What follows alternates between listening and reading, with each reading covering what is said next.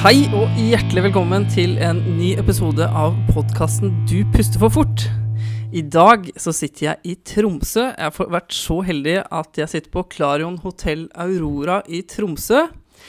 Her skal jeg få besøk av en mann som jeg for første gang hørte på eh, en av podkastene til Kristoffer Schou, rekommandert. Og så tenkte jeg shit, det her hørtes spennende ut. Spennende ut. Uh, han er lege, han er forsker, og han er uh, førsteamanuensis på Universitetet i Tromsø. Jeg var ikke så god til å uttale det. Uh, og ikke minst så er du forfatter. Hjertelig velkommen til deg, Erik Sveberg. Og så var etternavnet, det husker jeg ikke hvordan du skal etterlevne. Et Dietrix. Dietrich, ja. takk, takk. Hyggelig at du ville stille opp på podkasten. Um, det jeg hørte på eh, rekommandert, da, som jeg snakka om i stad, det er eh, Altså, du skrev en bok, du, som heter 'På livets grense'. Um, og det omhandler hvordan kroppen takler eh, da ekstrem natur. Hva er det som fikk deg på ideen til å skrive en sånn type bok? Nei, jeg har helt siden jeg gikk Jeg studerte her i Tromsø, da. Jeg gikk medisinstudiet her. Hadde aldri vært i Tromsø før. Fløy opp i august 2005. I 20 grader og strålende sol. Eh, og tenkte jo at det her måtte være det mest fantastiske stedet på jord og landet. Eh, og det viser seg jo for så vidt også å være, selv om eh, fra dag to så regna det 78 dager i strekk. Men eh, jeg starta på noe som heter forskerlinja, så man tar medisinstudiet med et år ekstra. Altså sju år istedenfor seks, og, og forsker mens man studerer. Og da fikk jeg kontakt med akuttmedisinsk forskningsgruppe eh, med Torkjell Tveita som veileder, som drev med hypotermiforskning. Og rett og slett eh, ble interessert i det her hvordan kulde påvirker kroppen. Så det er jo egentlig det som var den spede begynnelsen til at jeg ble interessert i de temaene her. da. Eh, kom inn i det miljøet og, og lærte at jeg syntes det var spennende. Og nettopp det skal vi prate om etterpå. Vi skal snakke om hypotermi og det du har forska på. Men jeg syns vi skal prate litt om boken. da. Jeg har lest den sjøl nå, eh, og jeg er ingen, eh, ingen, ikke en fyr som sitter og leser noe særlig med bøker. Jeg syns det kan være skikkelig gørrkjedelig, og jeg, jeg, eh, begynner å på, tenke på andre ting og ting jeg skulle gjort. Og, men den boka her, den fanga meg virkelig. Grunnen til det var at det var masse fine historier. Uh, det er mye relevant uh, faglitteratur, rett og slett. Du er veldig flink til å på en måte vinkle det Så det er veldig folkelig faglitteratur, da. Når du forteller om uh, hypotermi og høydesyke og Ja. Jeg tenkte jeg skulle ta fram ett eksempel i boka. Det er jo blant annet Hypotermi er jo Det har blitt din greie nå. du forteller om at uh, i, allerede i 1952, en fem år gammel jente som hadde sin første hjerteoperasjon Husker du den uh, referansen der fra boka di? Ja. ja. Uh, det, var, var vel ikke, det var den første gangen en, et menneske ble nedkjølt for å så, for å så bli oppvarmet igjen etter operasjonen. Ja. Ja, ikke sant. Altså, øh, og grunnen til at man gjør det her, det høres jo egentlig barbarisk ut å drive og kjøle ned folk, og dessverre så har vi jo eksempler fra historien på at øh, Ja, fra andre verdenskrig på, på, at det har vært gjort, eh, ikke sant, med forskning på mennesker og sånt, som har vært helt barbarisk. Men, men poenget her da er at uh, når man kjøler ned folk, eller når man blir nedkjølt ved et uhell, så, så, blir hjernen beskyttet mot, mot skade på et sett. Altså oksygenforbruket og forbruket av næringsstoffer går ned. Metabolismen går ned. Forbrenningen går ned, rett og slett, da, som vi sier på norsk. Og, og det beskytter jo da hjernen hvis den da skulle være utsatt for mangel på oksygen. Sånn som man eh, blir hvis man må stoppe hjertet f.eks. under en operasjon, eller hvis stopp, hjertet stopper av seg selv fordi man er så kald at, uh, at hjertet stanser. Sånn at derfor så, så, vil man kunne da som kirurg kirurg operere på et hjerte hos en som er nedkjølt, å bruke lengre tid på operasjonen enn man ville kunne når det barnet var varmt. Da. Mm -hmm. eh, nå har man ganske mange andre metoder, bl.a. med hjerte-lungemaskin og sånt, til å kunne gjøre det her uten å kjøle ned pasienter, så det er ikke så vanlig som det var før. Man bruker fortsatt nedkjøling i en del operasjoner for å beskytte hjernen. Mm. Uh, og det var vanvittig spennende, da. Jeg, altså, allerede i 1952. Hvordan i alle dager fant de ut at de skulle gjøre noe sånt nå da? Nei, man eh, visste nok ganske tidlig at det her med kulde beskytter kroppen. Eh, det er jo beskrivelse av det helt tilbake til altså de greske Ja, ikke filosofen, men altså Hippokrates, som jo regnes som første legen, annet, beskrev at kulde beskyttet, eh, uten at jeg egentlig vet helt om han hadde forstått mekanismene der. Og også under felttogene til Napoleon så, så fant eh, noen av krigs, krigskirurgene hans ut at de kunne beskytte skadet eh, vev, altså skadede bein og sånn, eh, mot, eh, mot eh, ja, ytterligere skade hvis de var nedkjølt. Da. Sånn at det har vært en del eksempler opp gjennom historien som jo har vært ganske dyrkjøpte, og, og mye fra krig, selvfølgelig, på at kulde kan beskytte. Eh, og så har man nok da etter hvert hatt en erkjennelse at eh, man kunne bruke det også medisinsk. Um, sånn at det var nok det som til slutt kulminerte i at man, eh, man begynte å ta det i bruk under operasjoner. da. Mm. Spennende. Du forteller også uh, i forhold til høydesyke uh, du, du, forteller at du sitter på et tog fra uh, Jeg husker ikke hvor det var. Beijing. Beijing, ja. Og opp til Lhasa. Lhasa. Hvor høy, stor høydeforskjell var det? Altså Mellom Beijing og Lhasa så er ikke høydeforskjellen så stor. Det er den 3600 meter. Men, ja. men, men, mellom Beijing og Tangula-passet, som er det høyeste punktet på Tibet-jernbanen, så er det jo over 5000 meter i høydeforskjell. Uh, og det her var i 2010, og jeg og en kompis som var litt lei av å studere. Og vi hadde bare én eksamen i året på medisinstudiet i Tromsø, og så hadde vi vel lyst til å gjøre noe helt annet et par uker før jul. Sånn at vi brukte opp alle de pengene vi hadde, og så kjøpte vi flybilletter til Kina. Og så var jo halvparten av grunnen da at vi hadde lest om det er toget da som uh, går fra Beijing opp til Lhasa i Tibet. Kineserne har bygget jernbane opp der, da ja, så kan man jo det er, det er, jo en, en, jernbane som jo mange kanskje ikke er så veldig glad i, fordi at uh, Tibet var jo en gang et selvstendig land, og man kan jo se på det her som en del av kolonialiseringen av Tibet, altså, som kineserne driver med. sånn at vi ble kanskje litt mer betenkte etter å ha reist opp dit. Uh, men da vi bestilte billettene, så var vel egentlig hele hensikten å ta verdens høyeste jernbane, at vi syntes det var spennende. Men Uh, det som skjedde da, var at det toget her var i 2010 ett år gammelt. Og jeg tror det var ett år gammelt da, og, og skulle være kjempemoderne. Det var det jo også. Med trykkabiner og sånt, og med oksygenuttak, sånn at hvis man ble dårlig underveis, da, høydesyk, så kunne man puste oksygen på maske. Så vi tenkte at det var mye tryggere å ta toget opp, og mye artigere å ta toget opp enn å fly rett opp. For vi visste at uh, av de her kinesiske soldatene, rekruttsoldatene som ble flydd opp til Tibet, for der er det jo dessverre ganske mange kinesiske soldater, Uh, der er det veldig mange som blir høydesyke. Så vi tenkte at det uh, ikke var helt heldig, da. Så vi ville heller ta toget gradvis opp for å unngå å bli høydesyke. Uh, men allerede på vei ut av Beijing så gikk jeg på toalettet og så at det ene vinduet sto på gløtt, så det var ikke mulig å lukke det igjen. Da kan man tenke seg altså en trykkabin hvis du ja, har et vindu på flyet på som er åpent. Ja, ja. Så, så, fungerer jo ikke det helt sånn optimalt. Så vi skjønte jo at det ikke var noe trykkabin som fungerte, i hvert fall. Men tenkte jo bare at det der kommer det jo sikkert til å gå bra.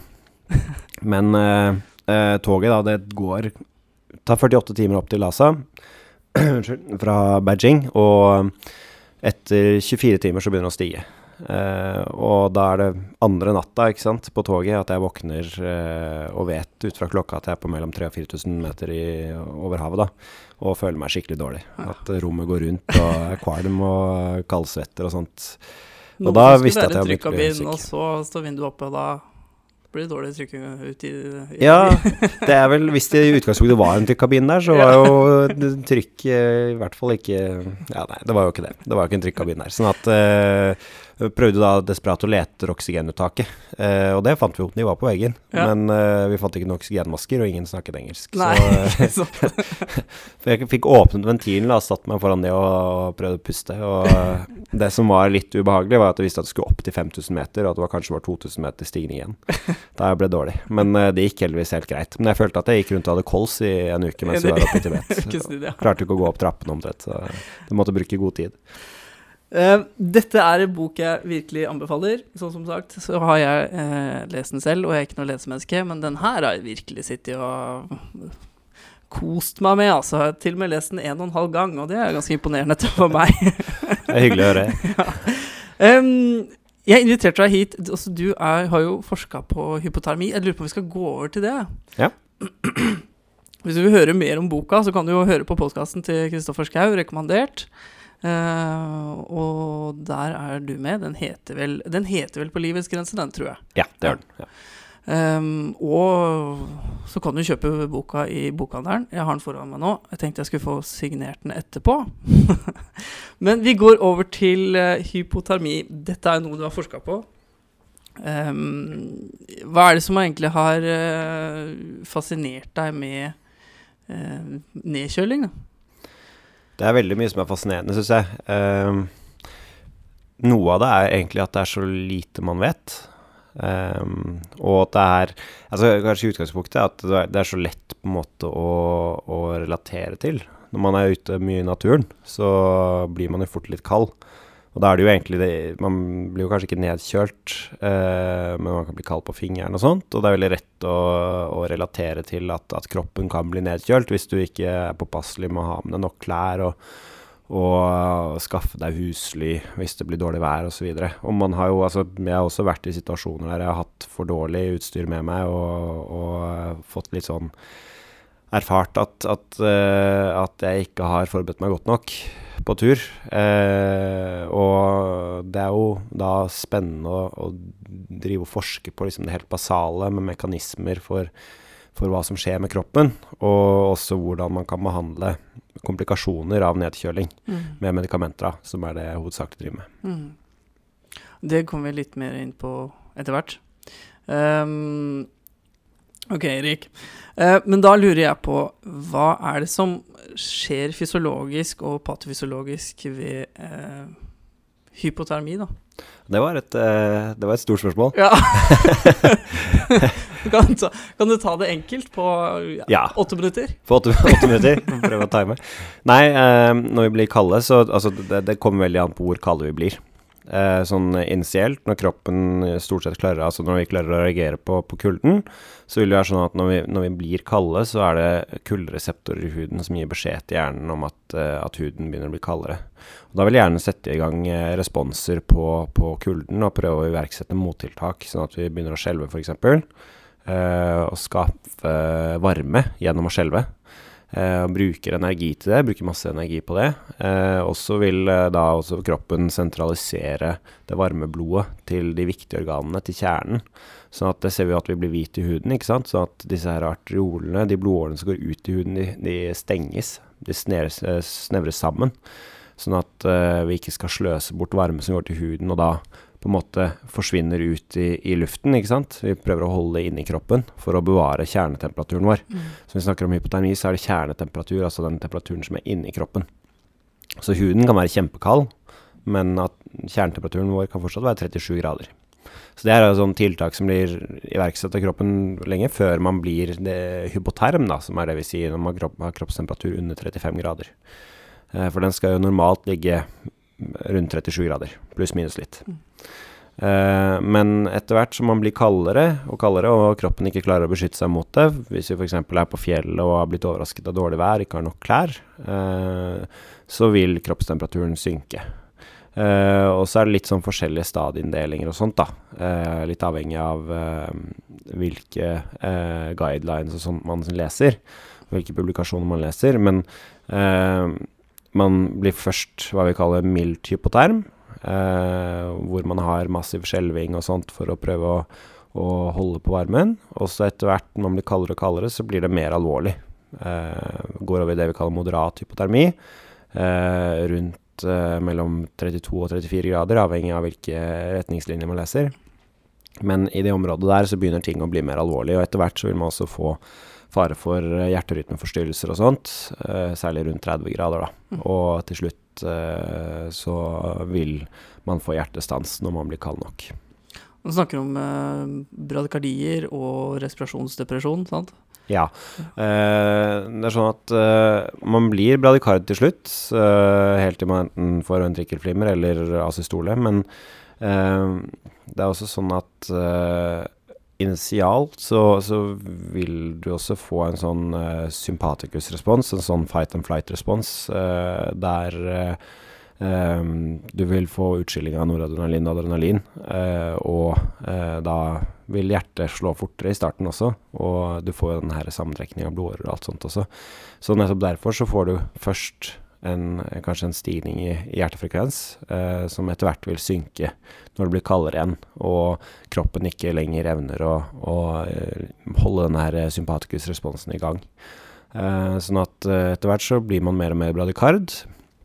og så får man en del eh, forskjellige hjerterytmeforstyrrelser. Atreflimmer er veldig vanlig, men det er jo Selv på unge mennesker.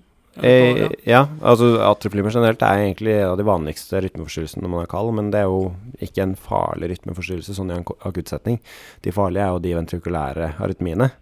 Eh, og da er det jo eh, sånn at man får etter hvert eh, liksom lengdeforøkning av alle aspektene av, av elektrofysiologien. sånn at hvis man ser på et EKG, så vil særlig QT-tiden være forlenget. Repolariseringen av, eh, av hjertemuskulaturens elektriske aktivitet. Og det kan være farlig, for da kan man få utløst uh, ventrikulære arytmier. Så mm. det er noe av det vi forsker på nå, ja. og som uh, det er gjort veldig lite på, uh, egentlig. det er mye gamle studier på det her, sånn i forbindelse med at de begynte å bruke hypotermi i kirurgi. men det er veldig lite studier på bruk av medisiner for å forhindre arytmier under hypotermi. Så det, det er faktisk tilnærmet ingen studier som er gjort på mennesker. sånn at det er noe av det vi ønsker å se mer på. da. Jeg har akkurat publisert en stor overskysartikkel på det. Du snakker om um, vanligste arytmiene. Snakker vi om svessere, eller er det den PQ-tiden altså, Nå tenker jeg at det, vi er ute og henter en pasient. Um, han er 60 år, frisk fra før. Um, hentes i en skiløype og ligger der en ja, fire timer med en brukket fot på, på bakken. Med kun pårørende ved siden av en liten jakke.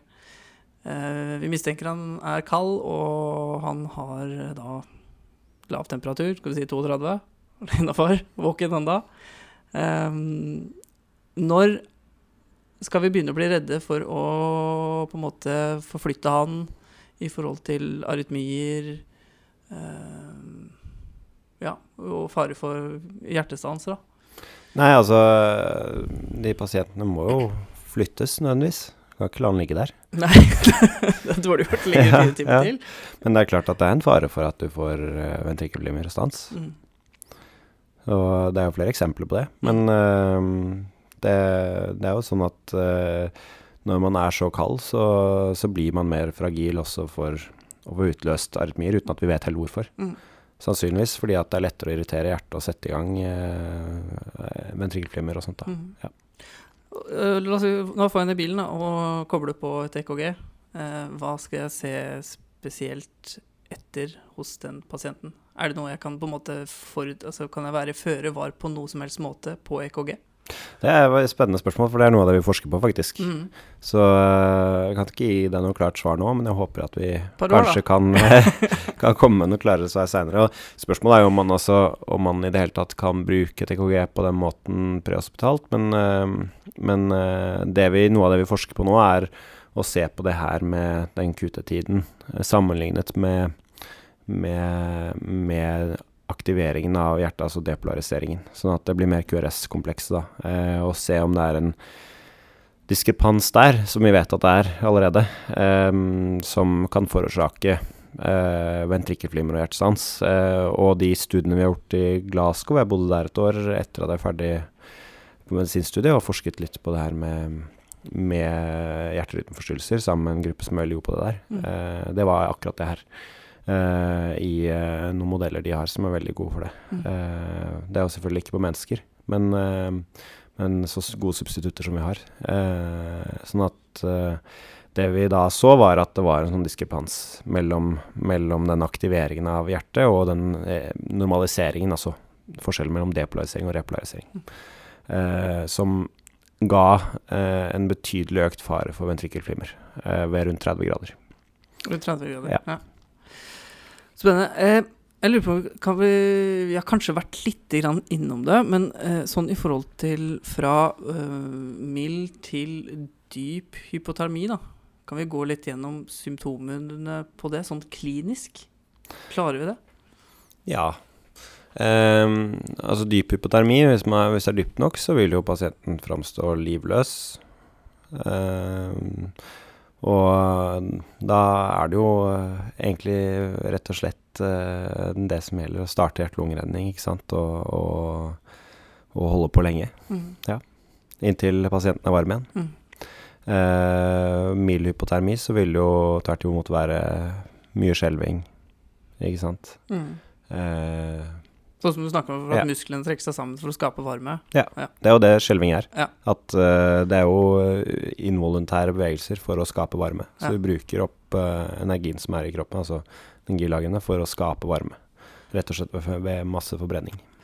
Hva skjer med metabolismen?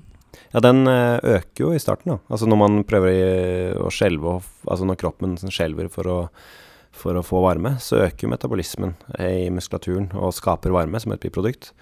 Eh, men når man blir kald, så går metabolismen veldig ned. Mm. Eh, og det er det som beskytter hjernen også. Så ved hver eh, grad temperaturen, altså kjernetemperaturen i kroppen faller, så vil metabolismen synke med om lag eh, 5 For hver grad? Sånn at Det er ganske mye. 5 Det er jo det. Ja. Og som, samtidig så er, eh, er det det vi ser, da, at, eh, at den nevroprotektive effekten av hypotermi, altså den, den eh, hjernebeskyttende effekten, den er nok mer uttalt også enn det metabolismen alene uh, utgjør, uten at vi vet helt hvorfor. Uh, så det er ikke sånn at hvis temperaturen er falt 10 grader til 27 grader, så er det 50% reduksjon i metabolisme. Det er ikke bare det som beskytter hjernen, det vil nok være uh, en ytterligere beskyttelse også Mm. Som ikke er helt kartlagt. Mm. Eh, Hva er de vanligste komplikasjonene ved eh, oppvarming av den hypoterme pasientene? Ja, hvis man har vært eh, skikkelig dypt hypoterm, altså aksentell hypoterm eh, og hatt veldig lav kjernetemperatur, så er den sånn klassiske triaden av, eh, av farlige komplikasjoner er eh, blødning, hjertesvikt og hjertestans.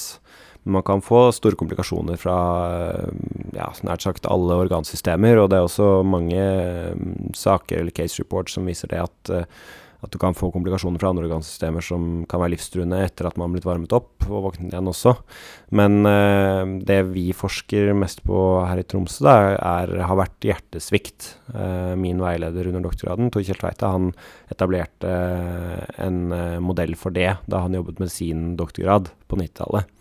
Eh, for å se på hjertesvikt under oppvarming fra dyp hypotermi, og, og kunne behandle det, og prøve å behandle det med forskjellige medikamenter, og se om man klarer å forhindre den utviklingen. Så at man eh, klarer å varme opp uh, uten å få den uh, massive hjertesvikten som, som man ser da hvis, hvis man da ikke gir medikamenter. Mm.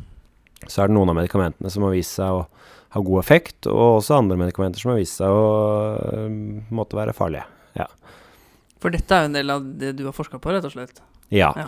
Min doktorgrad gikk jo mye på akkurat det her med hjertesvikt, eh, og var på en måte en, en fortsettelse av, eh, av det arbeidet som var gjort i gruppa allerede. Eh, og da var det testa ut eh, en del sånne klassiske medikamenter som virker via den samme eh, ja, måten, altså PAFAIN, som vi sier, eh, som adrenalin.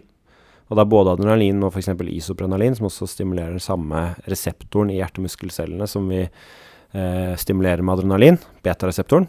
Og det den gjør, er å Når man stimulerer den, så øker den en del intracellulære signalstoffer, altså signalstoffer som er inni cellen, som fører til at man får etter hvert mer kalsium inni cellen. Eh, og så frigjøres det mer kalsium, og så trekker hjertemuskelcellene seg sammen. Uh, og når man har normal kroppstemperatur ved normotermi, så, så virker adrenalin bl.a.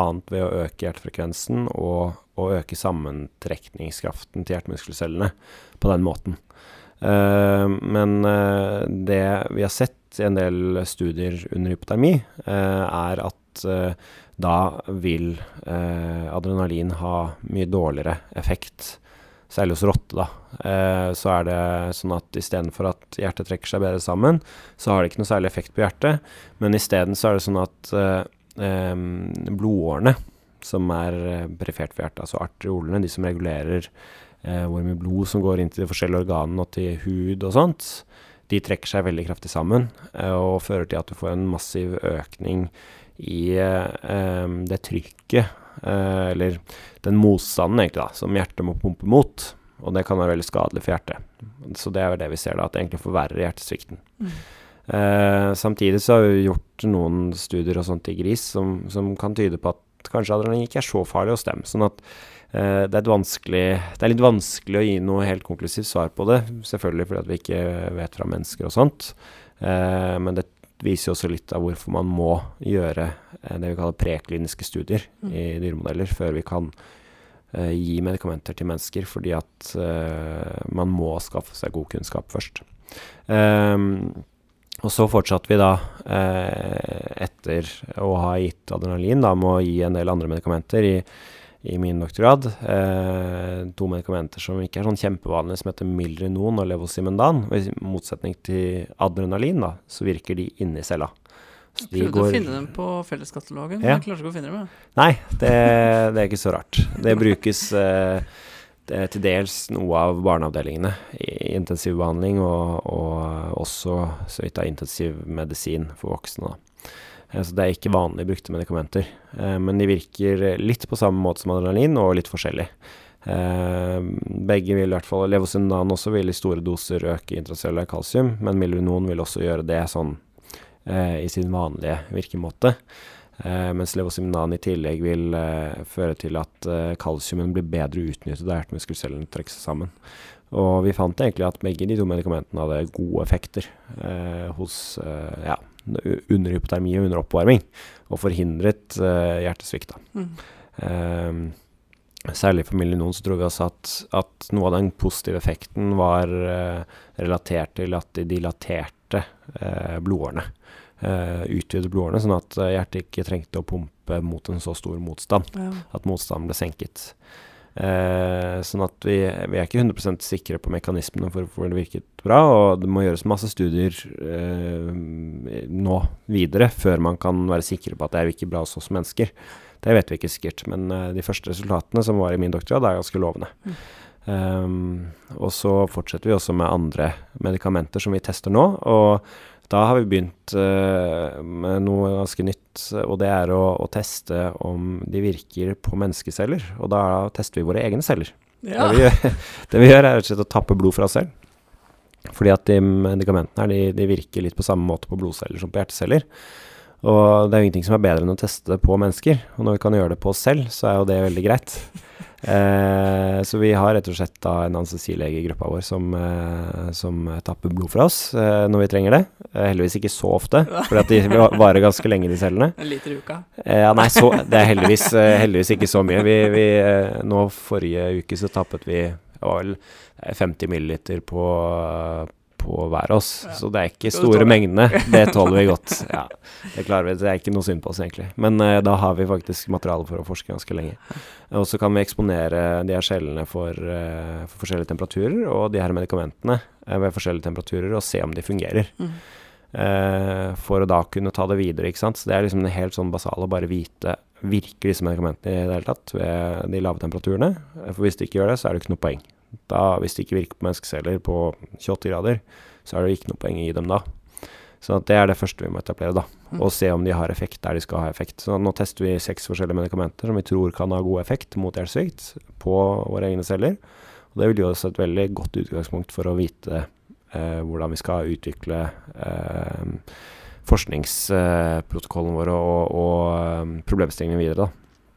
For å til slutt forhåpentligvis finne noe som kan virke bra hos mennesker. Mm. Mm. Spennende forskning.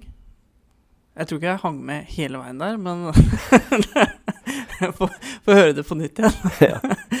um, jeg tenkte jeg skulle spørre deg en ting til. Vi er tilbake på, på hypotermin, selvfølgelig. Um, jeg husker ikke tida, men i forhold til avslutning av hjertestans, så står det at du skal måle S-kalium. Ja. Hva i all verden er det for noe? På et enkelt nivå. Kalium er jo en elektrolytt, altså et, uh, ja, et salt. Som uh, saltstoff som vi har i, i blodet og i kroppen. Uh, og det er veldig viktig bl.a. i hjertemuskelcellene for, å, for, at de skal fungere normalt eh, sånn, eh, rent elektrofysiologisk, altså elektrisk. Eh, og det med et høyt kaliumnivå i, i, blodet, det tyder på at man ikke har fått nok oksygen. så det tyder jo rett og slett på at, at, at man kanskje ikke har hatt nok oksygen mens man ble kjølt. og at det da vil være mindre sannsynlighet for at man klarer å varme opp noen uten at de da har eh, altså hjerneskade. Mm. Eh, så det, det, er jo da eh, poenget med kalium. Mm. Spennende. Jeg tenker vi avslutter nå, men jeg har et spørsmål til. Hva tror du Ja, nå forsker du mye og sånt nå, så du tør kanskje ikke å si så mye. Men hva tror du fremtidens hypotermiske Altså, hva, hva blir behandlingen av fremtidens uh, hypoterme hjertestanser? Hva tror du det blir? Nei, det er jo ehm, det, det, viktige nå er jo at man flyr pasienter til, eh, til eh, universitetssykehus med hjerte-lungemaskin, mm. der man kan varme opp Eller Eller på ECMO, da. Mm. Uh, og at man uh, da får dem dit så raskt som mulig uh, under pågående livreddende førstehjelp. det er nok det viktigste. og så håper vi kanskje at vi kan bidra til å, å prøve å finne medikamenter som kan forhindre f.eks. For hjertestans, som er mye av det jeg forsker på også nå. Uh, under transport, eller og også kanskje kunne behandle hjertestans underveis. Um, uh, og uh, da er jo det å få pasientene fram til, til, disse universitetssykehusene som har den kapasiteten og den ekspertisen på, på å gjøre avansert oppvarming med ECMO, det, det er jo helt sentralt. Fordi at man da kan avlaste hjertet og, og gi oksygenrikt blod tilbake til kroppen, som varmes opp utenfor kroppen, og, og da eh, på en måte eh, gir kroppen den støtten under oppvarmingen. Mm. Og da passer det med et sitat både fra ambulansefaglæreren min og fra boka di, Erik. Eh, en kald pasient er ikke en død pasient før den er varm. Ikke sånn? Ja, det var sånn jeg lærte her i Tromsø på medisinstudiet, at uh, ingen er døde før de er varme og døde. Det var vel omtrent ja, det første vi ja, omtrent det første vi hørte da vi startet å studere. og gjennom eh, førstehjelpsuka på, på uh, første året der. Ja. Som uh, vi ble prenta inn med med en gang, og kanskje noe av det også som gjorde at jeg syntes det var spennende å, å starte å forske på det. Mm. Ja. Jeg gleder meg til å følge deg videre. Jeg skal følge med både som forfatter og forskninga du driver med. og så hjertelig takk for at du ville være gjest i podkasten Du husker for fort. Veldig hyggelig. Takk. Erik Sveberg Dietrix. Tusen takk for nå.